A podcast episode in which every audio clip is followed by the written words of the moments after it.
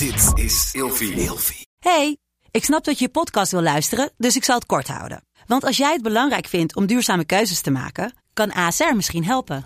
Nou hoor ik je denken, hoe dan?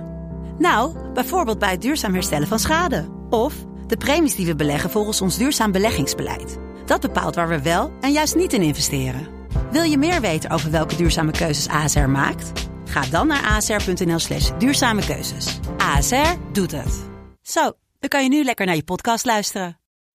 Slapen jij en je partner al jaren in hetzelfde bed en wordt het tijd dat je de onderdelen van het bed moet vervangen?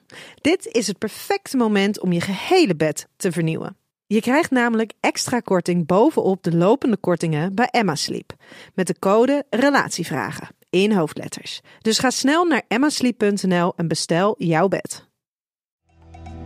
Hi, ik ben Elio Heres, orthopedagoog, seksoloog, consulent in opleiding en gespecialiseerd in genderdiversiteit. En vandaag beantwoord ik de volgende vraag. Waarom lijkt het in het begin van daten of een relatie meer passie in de relatie heeft? Het geldt dus eigenlijk voor alle levensfasen. Dat in het begin van een relatie er is inderdaad mensen verliefd worden op elkaar. Je hebt een soort van roze bril op. Je bent heel erg op de ander gericht. Je denkt heel tijd aan die ander. Je wil diegene heel erg graag zien de hele tijd. Je ziet alleen maar de positieve kanten. Uh, het is dus niet een heel realistisch beeld, maar je bent dus wel gewoon echt, ja, roze bril, je bent verliefd. Maar het is natuurlijk ook eng. Uh, je, kent die ander nog niet 100%. Dat maakt het ook spannend. Hoe gaat hij reageren op jou? Of hoe gaat hij reageren op jou? Hij of zij of, of die. En dat maakt, die spanning maakt dus gewoon passie. Dat is gewoon een gegeven. En die passie neemt af naarmate je dus langdurig bij elkaar bent. Want dan ken je elkaar beter. Je weet hoe je weten van die ander kan verwachten of niet kan verwachten. Er komen andere dingen bij. Je gaat samenwonen. Heb je financiële afhankelijkheid. Je krijgt misschien kinderen. Je gaat trouwen. Er zijn er veel meer pilaren aan die relatie waar ook aandacht heen gaat. En waar ook ja, over nagedacht moet worden.